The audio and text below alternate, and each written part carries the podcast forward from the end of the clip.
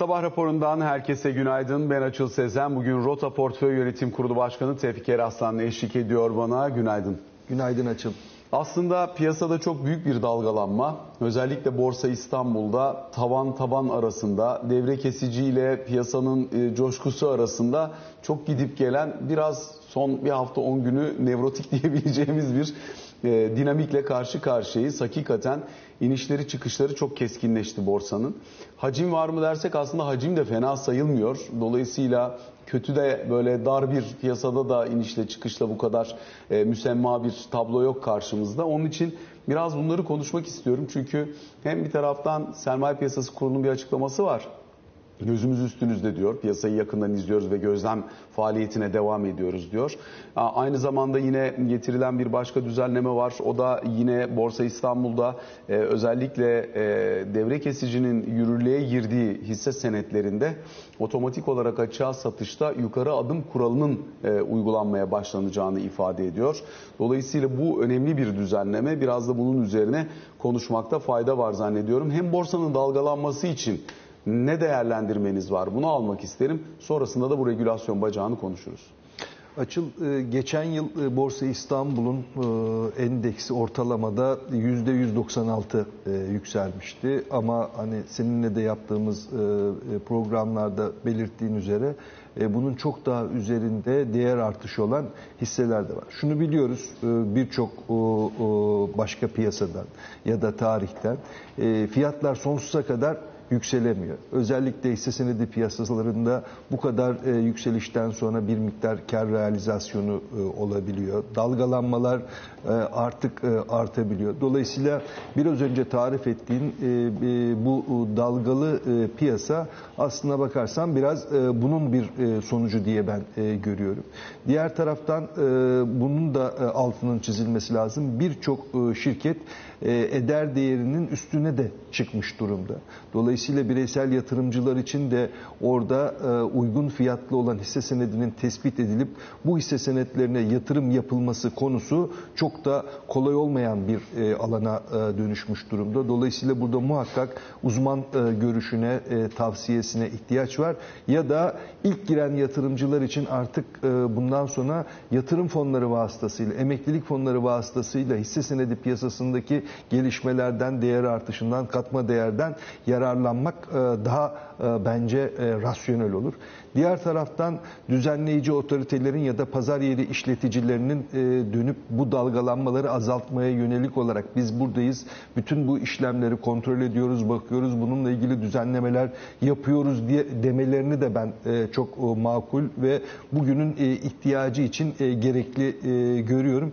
Çünkü borsada... Karşılığı var mı peki mesela bunu Şimdi piyasada eğer hani piyasayı bozucu herhangi bir davranış işte yatırımcı grupları olabilir, başka şekillerde olabilir. Varsa hani SPK'nın bu açıklamasından sonra geri adım atmasını bekler misiniz?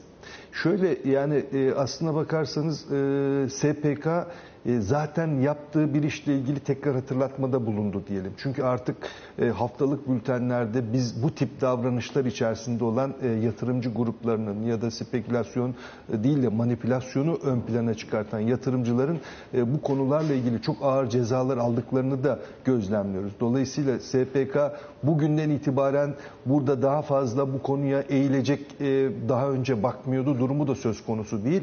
Bence bu konuyla ilgili tekrar işin içerisinde olanlara bu e, güven e, tazeleme anlamında bir e, mesaj verdi diye ben değerlendiriyorum. Yoksa SPK'nın bültenleri geçtiğimiz yıllarda görmediğimiz kadar bu konudaki cezayla dolu. Cezayla dolu. Dolayısıyla cezaların caydırıcılığı yani şimdi SPK burada gözetleme, gözlem dairesi var ve hakikaten burada bütün piyasadaki hareketi izliyor, takip ediyor. Görüyor, biliyor yani. Hani bilmemesi tabii, mümkün değil. Çok yakından da izliyor, takip ediyor sermaye piyasası kurulu. Gerektiği yerde de müdahale ediyor. Elindeki yetki ve donanım sizce bunların caydırıcılığı için yeterli midir? Çünkü ee, bu kısmı bence belirleyici. Hani bütün memlekette herkesin gözünün önünde bankalara 20-30 tavan falan çektirilecek kadar piyasayı bozucu hareketler yapıldı. Bunun sonrasında işte cezai yaptırma bu falan olduğu ama sonuç itibariyle geldiğimiz noktada hani bundan ne kadar hasar, ne kadar zarar gören oldu o tartışılabilir. O açıdan soruyorum. Yani SPK kendi yetkisi çerçevesinde elinden geleni yapar ama caydırıcılık kuvveti yeterince güçlü müdür? Onu merak ediyorum. Ee, şimdi e, SPK'nın da verdiği cezaların tabii bir e, kaynağı var. O da e, kanundan gelen Tabii, yetkisini kullanarak e, bu cezaları veriyor. E, Ve e, verilen ceza rakamları da e, hiç küçük rakamlar değil. Yani orada oldukça büyük rakamlardan bahsediyoruz. Ama e, elde edilen menfaatle kesilen ceza karşılaştırıldığı takdirde biz e, zaten yeteri kadar büyük bir kazanç elde ediyoruz. Bu kadar cezayı ödeyerek yola devam edelim diyebilecek e, türden yatırımcıların olma olasılığı ya da manipülatörlerin olma olasılığı var. Bu durumda e, şu akla geliyor. Para cezası her durumda yeter bir e, caydırıcı unsur olmayabilir. Dolayısıyla bunun dışında da başka unsurların eklenmesi gerekir. Belki önümüzdeki dönemde e, SPK'nın da bu anlamda elinin kuvvetlendirilme ihtiyacı olabilir diye ben değerlendiririm. Çünkü normalde yabancı yatırımcının olduğu bir piyasada biraz daha e, denkleştirici ve nötrleştirici etki var. Yani yabancı yatırımcının bir bölümü e, hakikaten daha uzun vadeli geliyor, birazı dengeleyici faktör olarak geliyor. Bir kısmı hızlı para, o da hızlı gelip hızlı çıkanı da var. İşte yüksek frekanslı işlemlerle doğrudan yapıp gideni de var falan. Farklı farklı türleri var ama piyasa içinde bir etki etken. Dolayısıyla yabancının olmadığı yerde biraz daha bireysel yatırımcı odaklı ve istediği yere piyasanın belirli bir kısmını, belirli tahtaları çekebilme kuvveti söz konusu olabiliyor. Dolayısıyla hani bunların önüne geçebilmek için bu döneme has belki özel önlemler gerekebilir. Ne dersiniz? Yani e, biraz önce zaten konuştuklarımız e, bu çerçevede ve bu minvalde e, konuştuğumuz işlerdi. Dolayısıyla Sermaye Piyasası Kurulu'nun ben buradayım ve bu işlemlerin hepsini gözetliyorum. Gerekirse bunlarla ilgili tedbir ve ceza da verebilirim diyor olması. Borsa İstanbul'un ihtiyaç duydukça yeni kural setlerini devreye alıp küçük yatırımcıyı koruyacak, volatiliteyi azaltacak yönde kararlar alıyor olması son derece olumlu ama bunun bunların ben tabii ki çok da fazla e, yeterli olamayabileceğini düşünüyorum. Çünkü piyasadaki e, yatırımcıların da diğer taraftan piyasadaki kurumların da burada uzun dönemli e, düşünüp ona göre aksiyon alıyor olmaları lazım. Bireysel yatırımcıların bugüne kadar hiç hisse senedi almadılarsa, finansal analiz kabiliyetleri yoksa, şirketleri inceleme imkanları yoksa doğrudan hisse senedi almak yerine yatırım fonu ve emeklilik fonu aracılığıyla bu işi yapıyor olmaları. Ondan sonra e, sermaye piyasası kurumlarının bunlar bankalar, portföy yönetim şirketleri, aracı kurumlar. Bunların da uzun dönemli menfaatlerini düşünerek bugün yatırımcıyı koruyacak her türlü kararı alıp aksiyonlarını, icraatlarını da buna göre yapıyor olmaları e, sermaye piyasalarımızın ve borsamızın uzun dönemli e, geleceği için çok kıymetli olur açıl.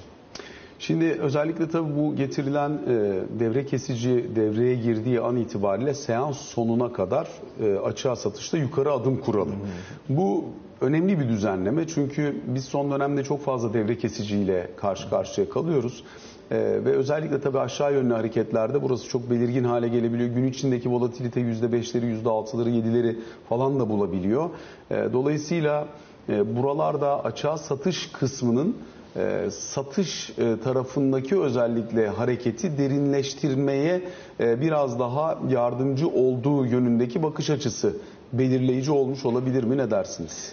Yani böyle bir kararın işte dünkü ve işte birkaç günkü volatiliteden sonra alınmış olması tesadüf olmasa gerek. Çünkü benim elimde o data yok ama Borsa İstanbul yetkililerinin elinde bu verilerin tamamı var. Dolayısıyla bu veriler analiz edilmiştir. Küçük yatırımcının korunabilmesi adına böyle bir e, kararın alınmasının fayda sağlayacağı değerlendirilmiş olacak ki dönüp e, bugün e, bu e, kararı hep birlikte okuduk.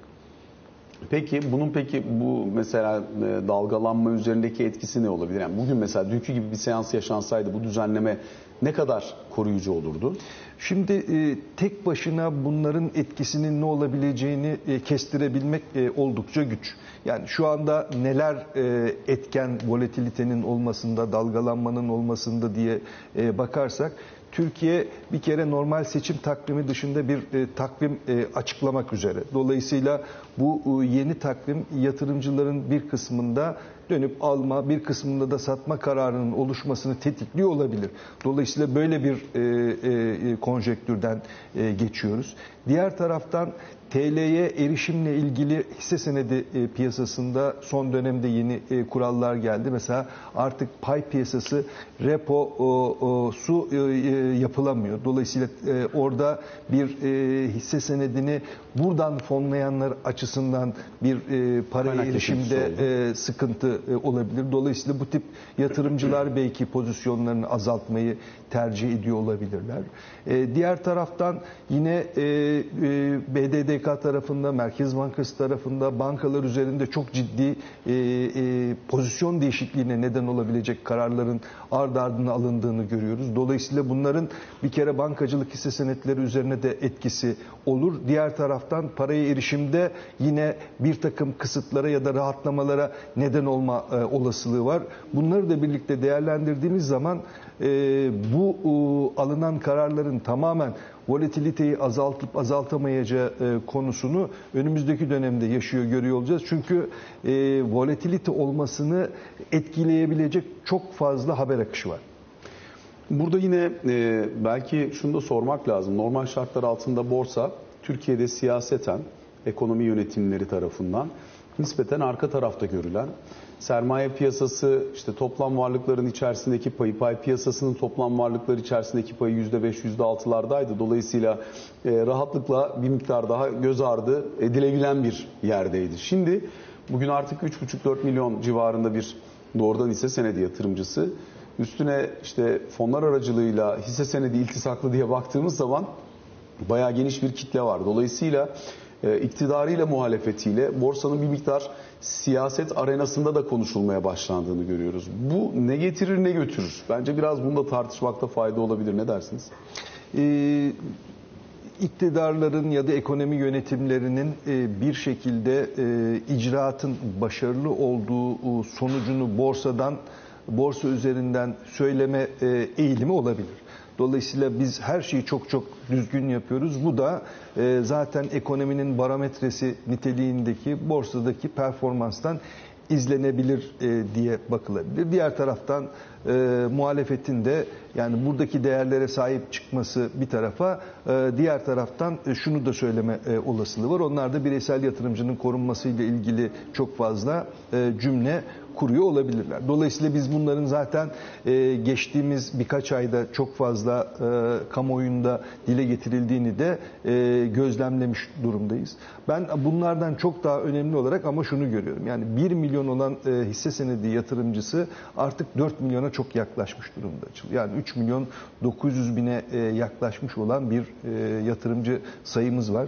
Bunların burada mutlu olması, burada e, kazanç elde edebilmesi, elde ettikleri kazançları yakın çevrelerine söylemesi. Dolayısıyla hisse senedi yatırımcısının 4 milyon değil 30 milyon olması burada bütün ülke olarak en büyük hedefimiz olmalı. Bunu biz hedef olarak ortaya koyabilmesiyiz. Bunun da gerçekleştirilebilmesi için iktidarıyla, muhalefetiyle, sermaye piyasası kurumlarıyla hep birlikte bu yönde çalışıyor olmamız gerekir diye ben değerlendiriyorum.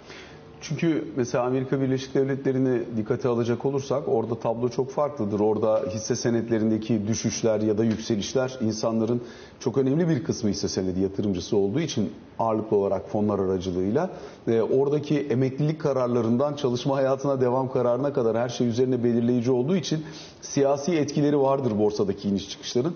Biz herhalde o noktalardan biraz uzak mıyız daha ne dersiniz? Yaklaşırız diyelim. Yani tabii ki e, o, o noktada değiliz ama 1 milyon yatırımcının olduğu, onların da e, içerideki birikmiş e, e, tasarruflarının sınırlı olduğu günle artık Bugün içeride farklı. 4 milyon e, yatırımcının olduğu, içerideki yatırımcıların 2 trilyon TL'ye yakın varlıklarının olduğu bir yerde bence siyasetçilerin de buraya e, çok özenle ve dikkatle e, bakıyor olmaları ya da baktıklarını e, tahmin edebiliyor olmamız lazım. Umarım bizde de tabii günün birinde Amerika'daki kadar yaygın olur. Yani buradaki elde edilen gelirler erken emeklilik kararlarının alınmasına vesile olabilir. Mesela Amerika'daki en büyük çıktılardan bir tanesi. Pandemi sonrası borsanın çok hızlı yükselmesi nedeniyle birçok e, çalışan İş erken emeklilik çekildi. kararı alabildi. Çünkü ben e, işte çalışarak e, elde etmeyi düşündüğüm e, para kadar, servet kadar bir e, parayı borsadan çok daha hızlı bir şekilde aldım. Artık emeklilik kararımı aldım diyebildiler. Umarım Türkiye'de de biz e, böyle e, dönemleri çok daha yaygın e, bir yatırımcı topluluğu üzerinde görebiliriz. Peki e, bir de kredili işlem bacağını sormak istiyorum. E, Özellikle bu tür dönemler krediyle işlem yapan yatırımcılar için çünkü para ucuz. E, Sonuç itibariyle erişim imkanı var. Borsada sürekli arka arkaya aylar boyunca ortalamada e, %10 civarında getiriyle gitti. Geçen sefer de sizinle bunun üzerine konuşmuştuk ama özellikle bu dalgalanma ve düşüş hareketlerinden sonra bir tur daha sormak isterim. Kredili işlem yapmak isteyenler için ortamı nasıl görür, nasıl değerlendirirsiniz? Şimdi e, kredi e, faizlerinde de Merkez Bankası faizleri ne kadar indirmiş olsa da e, bir mevduat faizleri yukarıya doğru e, gitmeye devam ediyor. İki, e, özellikle hisse senedi almak isteyecek yatırımcılar için de kredi faizi aşağıya gelmiyor. Bu bir e, hepimizin gözlem gözlemi. Diğer taraftan e, ciddi bir şekilde kredili e, hisse senedi alan yatırımcı topluluğu da oldu. Burada da rakam e, kabaca 28 e, milyar kullanan yatırımcı sayısı e, yaklaşık olarak e, 35 bin e, kişi başı kullanılan kredi rakamı da 700 bin TL'nin e, üstüne gelmiş durumda. Dolayısıyla e, tamamen e, burası borsadaki yükselişi etkilemiştir diyebilecek durumda olmamakla birlikte geçmiş dönemde kullanılan krediye nazaran kredi rakamlarında bir e, artış var. Eğer e, önümüzdeki dönemde e, krediye erişimde bir güçlük olacaksa ya da kredi faizleri çok yukarıya doğru gidecekse bu krediyle hisse senedi taşıyan yatırımcıların da bu e, işlemi gözden geçirmeleri söz konusu olabilir. Dolayısıyla da bir e, satışı buradaki e, yatırımcıların tetikleme olanağı e, olabilir. Ama baktığımda bugünden yarına en azından seçime kadar diyelim faiz hadlerinde bir değişiklik olmasını beklemiyoruz. Peki buradan geçelim şimdi faiz tarafında herhangi bir değişiklik olması beklenmiyorsa bununla ilgili son dönemde yaşanan tartışmalara Merkez Bankası'nın bankalara verdiği hedefler vardı. Bu hedeflerin içerisinde TL'nin bilanço içerisindeki ağırlığının %60'ın üzerine çıkarılması hedefi var. E, Dolayısıyla geçtiğimiz yıl itibariyle 50 ile 60 arasındaysan %3 komisyon, 50'nin altındaysa %8 komisyon uygulayacağım diyordu Merkez Bankası. E, Bunun da e, üstesinden gelebilmek için bankalar özellikle kur korumalı mevduat cephesinde opsiyonlu kur korumalı mevduat ürününe ciddi anlamda yüklenmiş ve e, bu rasyoların tutturulmasında önemli etkenlerden bir tanesi olmuştu. Fakat %60'ın üzerinde olduğunu düşünen birçok banka e, yılın son haftası içerisinde Merkez Bankası'ndan gelen bir açıklama nedeniyle zorda kaldı. Merkez Bankası dedi ki ben opsiyonlu kur korumalı mevduat işlemlerini e, bu TL cinsinden işlem olarak saymıyorum. Böyle bir tebliğ var ortada şu an itibariyle. Buna bankaların itirazları oldu canlı opsiyonlu KKM'lerin buna dahil edilip edilmeyeceği konusu tartışmalı ve belirsizdi. Bu arada hala belirsizliğini koruduğunu da söyleyelim. Ee, ama e, önceki gün itibariyle e, gecenin geç saatlerine kadar devam eden bir toplantı olmuş Merkez Bankası'yla e, banka yöneticilerini bir araya getiren. E, bu toplantıda bankalar bu konudaki sıkıntılarını ve rahatsızlıklarını dile getirmişler. Bununla ilgili bir özel haberimiz de var. Bloomberg.com.'da okunabilir. E, bu rahatsızlığı dile getirdikten sonra Merkez Bankası da yaptığı düzenlemenin gerekçesini ifade etmiş. E, Burada özellikle opsiyonlu kur korumalı mevduat gerçekleştirilirken bazı bankaların müşterilerinin dövizini bozdurup TL'ye geçtikleri ve Merkez Bankası'na TL'yi verdikleri daha sonrasında piyasadan bu pozisyonu hece edebilmek için yeniden döviz talebinde bulundukları. Dolayısıyla bunu engellemek için bu düzenlemenin gerçekleştirildiği söylenmiş. E, Ancak e, burada hani bir takım hibrit ürünlerle veya farklı bir yaklaşımla dün itibariyle yeniden opsiyonlu kur korumalı mevduat işlemlerinin yeniden başladığını anlıyoruz biz. Ee, burada hani şifai olarak eğer böyle yapmayacaksanız doğrudan döviz bozup gelinecekse ya da doğrudan dövizle gelinecekse bu yapılabilir gibi bir e, anlayışla işlemlerin başladığını anlıyoruz. Bir tebliğ duruyor. Dolayısıyla eğer burada bir hareket olursa bunu gerçekleştirmek e, bankanın uhdesinde elbette ama işte yukarı yönlü hareketinde Merkez Bankası'nın tebliğde yazdığı ben kur farkını ödemem ifadesi var. Bir bu tarafını nasıl değerlendirirsiniz? İki e, pozisyonu kendi içinde yöneten bankalara yönelik bir sınırlama olmayacağı söylenmiş. Olmadığı ve olmayacağı söylenmiş. Dolayısıyla böyle yapanlar yapmaya devam ediyor olabilir bankacılık sistemi içerisinde. Bir de anladığımız kadarıyla yine bu toplantıda kur korumalı mevduatı yatırımcı için daha cazip hale getirecek.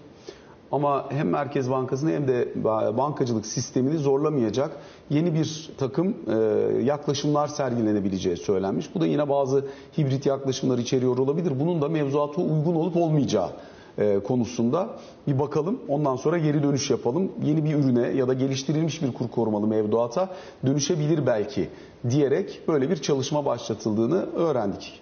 Tablo bu. Ne der? Nasıl yorumlarsınız? Ee, birincisi şu hakikaten Türkiye'nin geleceğe dönük en büyük e, potansiyel sıkıntılarından bir tanesi KKM. E, dolayısıyla orada e, devletin çok ciddi bir e, şekilde üstüne almış olduğu kur e, riski var. E, dolayısıyla bunun e, bir şekilde e, azaltılabilecek bir e, programının olması, bir e, çıkış stratejisinin olması bence çok çok kıymetli. Dolayısıyla bunların konuşuluyor olması belki önümüzdeki dönemde e, bu konudaki bir e, çıkışla ilgili zihinsel hazırlığın e, yapılmasına da vesile olabileceği düşüncesiyle ben bu kısmını kıymetli buluyorum. Diğer taraftan sadece bankaların Merkez Bankası tarafından getirilen yükümlülüklerden kurtulmak amacıyla e, yapmış e, ya da e, yapabilecekleri opsiyonlarla ilgili alınmış olan kararın yani o, o da çok net burada ciddi bir şekilde buradaki döviz talebini azaltacak ya da dövizden TL'ye geçişi sağlayacak bir konu değil. Sadece ilgili bankadaki bu e, menkul kıymet tesisini ve e, komisyon oranını azaltmaya yönelik olarak bir davranışa Merkez Bankası ben sıcak bakmıyorum. E, burada gerçekten bir opsiyon yapılacaksa e, bu e, opsiyonlara benim diyecek hiçbir şeyim yok ama yükümlülükten kurtulmak için yaptığınız bir şeyler varsa bunlarla ilgili tebliğ de yerinde duruyor. Dolayısıyla ben buna o şekilde bakarım e, demiş diye. Çünkü sadece opsiyonlu kur korumalı mevduata değil aynı zamanda işte repo işlemleriyle bilanço dışına çıkarılanlara ya da fonlara fark edilen dövizlere de yönelik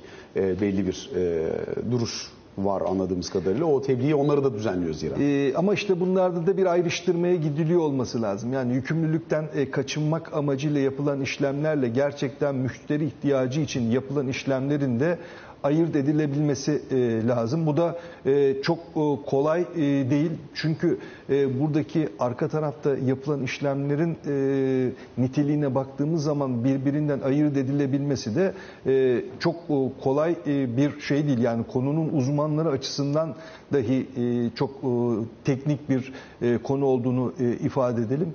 Dolayısıyla burada bu çıkışlardan ziyade KKM ile ilgili daha bütünsel bir çıkışın makro ekonomideki başka düzenlemelerle buradaki tablonun rahatlatılmaya ihtiyacı var.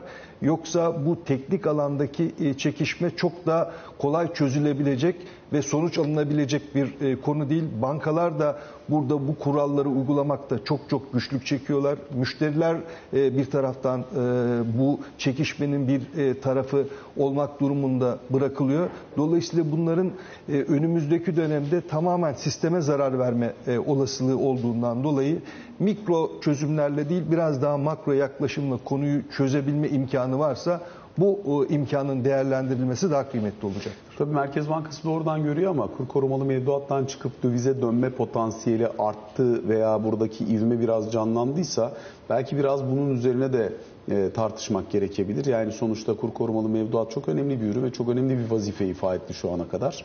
Ee, hani bu noktadan sonra e, burada devamı sağlayabilmek için yaratılabilecek bir opsiyon belki e, hani önümüzdeki dönemin belki seçime kadar geçecek sürecin e, daha selametle yürütülmesi için de fayda sağlayabilir. Ne olabilir? Yani bir kısmı döviz bir kısmı TL olacak bir ürün.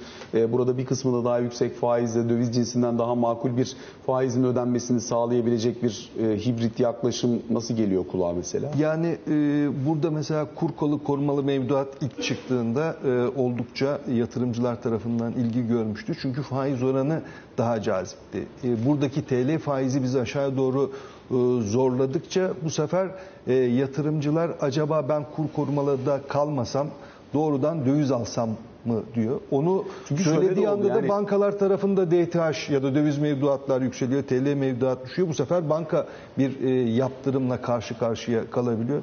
Dolayısıyla otorite ve e, bankaların bütün sistemi e, birlikte düşünerek e, bir e, çıkış yolu buluyor olmaları bence kıymetli. Bu arada söylediğin gibi ara bir çözüm de olabilir. Burada şunu sormak istiyorum. Yani mevduat faizi 24-26 arasında bankacılık sis- sisteminde şu anda. Kur korumalı mevduatın faizi %12. Kurda stabilize olduğunda bireysel yatırımcının KKM'yi tercih etmesi için herhangi bir imkan veya e, teşvik şu an itibariyle pek bulunmuyor. Anladığımız kadarıyla biraz bundan da kaynaklanıyor. Yani mevduat faizinin yarısında kaldı kur korumalı mevduatın faizi. Bir de bunun üstüne şunu da ekleyeyim Açıl. E, yurt dışında da geçtiğimiz dönem gibi bir dönem yok. Yani Türkiye'de dolara bankaların %2-3 faiz e, verebildiği ama yurt dışında da faizlerin eksi olduğu bir dönemi geride bıraktık. FED e, işte faizinin yükseliyor olması nedeniyle artık yurt dışında bir bankaya da parayı götürdüğünüzde dolar bazında iyi faiz alabiliyorsunuz görece olarak. E, bütün bunları değerlendirdiğimizde bir şekilde KKM tarafındaki belki faiz haddinin de e, gözden e, geçirilmesi, buranın hala cazip tutulması yerinde olabilir. Ee, son olarak bu işte döviz transferindeki sınırlamalar vesaire bunların sınırlama derken döviz transferine e, getirilen bilgi ve belge yükümlülüğü gibi unsurlar. Bunların hane halkının dövize olan bakışında ya da ilgisinde e, nasıl bir etkisi olması beklenebilir? Yani şu aşamada e, ciddi bir etkisinin olmadığını, devletin e, sadece burada e, bir belge aradığı ve e, istatistiksel açıdan e, dönüp e, Türkiye'nin e, ödemeler dengesiyle ilgili rakamları daha yerli yerine koymaya e, çalıştığı yönündeki e, çıkarımı daha fazla olur ama bu tip e, alınacak kararların önümüzdeki dönemde sayısının artması tabii buraya daha farklı bir bakış açısının gelmesine neden olma olasılığını taşır.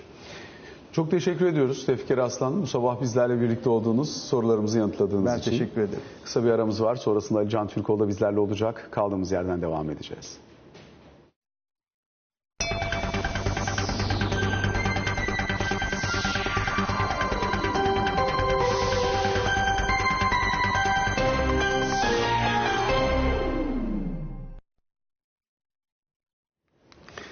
Sabah raporunun ikinci bölümüyle karşınızdayız. Ali Can Türkoğlu ile birlikteyiz. Ali Can günaydın. Günaydın.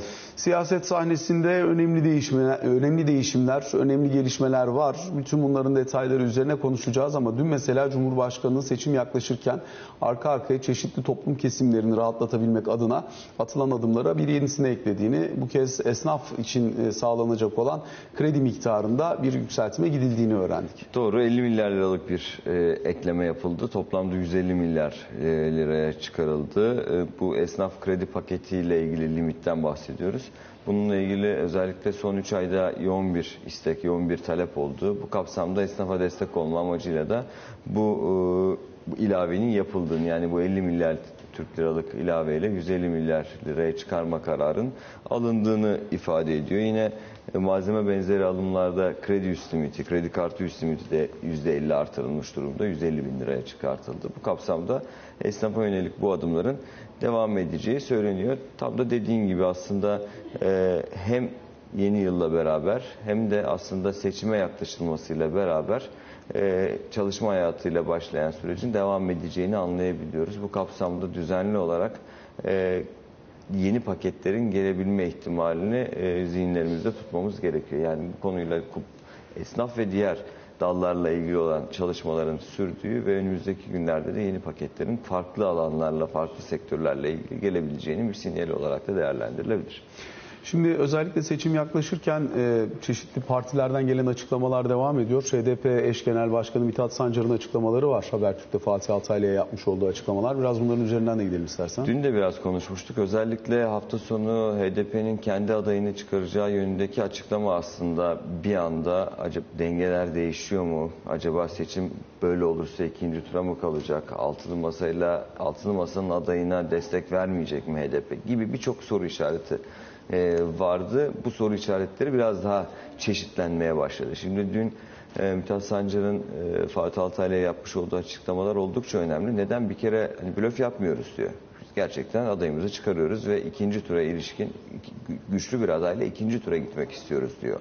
Mithat Sancar E, ama onun dışında da e, bir, bir açık kapı bırakılmış da durumda. Çünkü cümlelerin devamında eğer altılı masa e, kamuoyu önünde yani düzgün bir şekilde normal bir şekilde bizimle e, adaylık üzerinden konuşmak, görüşmek isterse bizim de kapımız açık diyor e, HDP bu kapsamda. Dolayısıyla benim e, dünkü e, yayından sonra da anladığım evet HDP şu an itibariyle bir aday çıkarma düşüncesinde. E, Cumhurbaşkanı adaylığı için bunun da güçlü bir aday olacağını ifade ediyorlar ama bir yandan da e, uzlaşının sağlanabileceği bir aday üzerinde de görüşmelerin devam edeceği, farklı formüllerinde konuşulabileceği vurgulanıyor. Bunu hem seçim öncesi aday belirleme aşaması için söylüyorlar hem de e, birinci turdan sonra e, ki süreçle ilgili olarak da konuşuyorlar. Dolayısıyla bundan sonraki süreçte hani böyle altılı masaya dahil ol- olmayacaklarını ve olmak istemediklerini de bir yandan vurguluyorlar. Bundan sonraki süreçte e, HDP ile bazı partiler arasında, tüm partiler demiyorum, e, bazı partiler arasında bir böyle temas trafiği gerçekleşebilir. Genel başkanlar düzeyinde e, veya e, kurmaylar düzeyinde olabilir. Dolayısıyla bu kapsamda HDP'de bu seçim trafiği içerisinde ben de varım. Dolayısıyla e, benimle de görüşün gibi bir mesajı çok net bir şekilde vermiş durumda. Aday isimleri konusunda ama bir netleşme yok.